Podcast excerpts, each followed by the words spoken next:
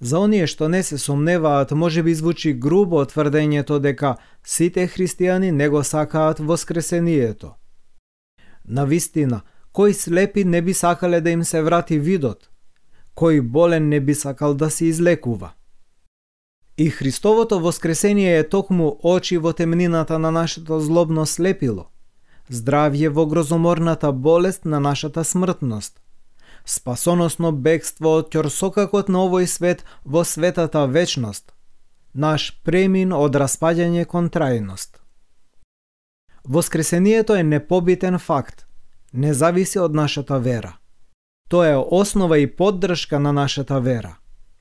Пред 2000 години, нашиот Господ Исус Христос, кој во својата личност ги соедини Бог и човекот, Божјата и човековата природа, се бореше со смртта и изгледаше дека го снајде судбината на смртниот Адам. Умре и беше погребан. Но, бидејќи Исус Христос не беше обична личност, тој не остана во гробот, туку воскресна и беше виден. Многу луѓе го видоа и го препознаа ја победи смртта и воскресна. Излезе од гробот жив, откупувајќи го човечкиот род од власта на смртта и од смртниот страв. Сепак, луѓето не го сакаат воскресението. Не мора да бараме далеко или да правиме посебна студија за да разбереме дека денешното општество, дури и номинално христијанското општество, воопшто не е приемчиво за воскресението на Исус Христос – Само еден поглед околу нас е доволен да се огледаме дека многу луѓе се приврзаници на епикурејскиот материализам, на догмата Јадете, пиете и веселете се, зашто утре ќе умреме. Тие не можат да видат ништо зад надгробниот споменик, затоа што се заробиле во нештата на овој свет. Ова е причината зошто младите и старите паничат од помислата на каква било обштествена криза – загубата или само ограничувањето на удобноста и условите што ги уживаат, им изгледаат неподносливи. За нив е неподносливо да останат незадоволени нивните чувства и желби. Несватливо им е да бидат лишени од своите задоволства. Во секој случај, како настан надвор од областа на човековиот разум, воскресението беше напаѓано уште од самиот почеток. И навистина е тешко да се разбере и представува предизвик за нашето размислување тоа дека првите и најупорните сомневачи во Воскресението се токму оние од кои би се очекувало да го прифатат без резерва, односно самите ученици на Исус Христос. Она што го виделе и доживеале додека биле со Исус, ги убедило дека тоа е Месијата, кого тие го ограничија на земно разбирање. Тие не го сакаа Месијата за кој зборувале пророците. Тие не можеа да го замислат таков какво што тој всушност се појави, скромен и кроток. Според нивниот начин на размислување, Месијата требало да биде незапирлив освојувач, семоќен цар, непобедлив светски владетел.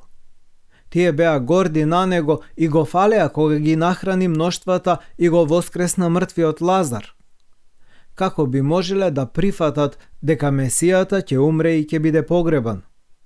Затоа, кога го видоа прикован на крстот, а потоа мртов во гробот, се збунија и се обесхрабрија. Само непријателите на Христос беа загрижени во случај да воскресне, како што беше рекол тој. Тие брзо го обезбедиле гробот и поставиле стража да го чуваат. Против кого ги презеле тие мерки? Против преплашените и очајни ученици кои јасно признале Се надевавме дека тој ќе го откупи Израел. Се надевавме. Означува минато свршено време. Нивните надежи биле изгубени, уништени. А сепак, Исус ги скрши резињата на адот и воскресна. Оној што поучуваше за вистината што осветува и ослободува – која покажа својата божествена власт со знаци, исцеление и воскреснување на мртви. Сега ја потврди таа вистина со знакот над знаците, со своето воскресение. Уверени од неговите појавувања по воскреснувањето, неговите дотогаш исплашени ученици станале апостоли и го изложиле пред светот своето сигурно сведоштво дека Христос воскресна. Значи, од празниот гроб на воскреснатиот Исус засветли светлината на надешта. Отворено е нашето вечно блаженство. Се отвори нов пат во нашиот живот, по кој чекориме со покаяние и вера. Овде е проблемот за денешните луѓе. Тие не го отфрлаат Исус. Тие се восхитуваат на неговата добрина и ги сакаат сите придобивки што ги дарувал додека бил на земјата. Воскресението е тоа што им пречи. Ако Исус останеше мртов во гробот, многу луѓе повеќе ќе го сакаа. Тој не е добродојден и е мета на напади денес токму затоа што воскреснал и објавувањето на неговото воскресение како свој директен придружен пропис ја има заповедта да се покаеме и да се бориме со своите страсти. Христос кој не воскресна лесно може да биде асимилиран од безбројните богови и божици на паганизмот, кои не само што не ги забрануваат, туку и активно ги поттикнуваат страстите. А што со воскреснатиот Христос кој вели? Бев мртов и ете жив сум за сите векови.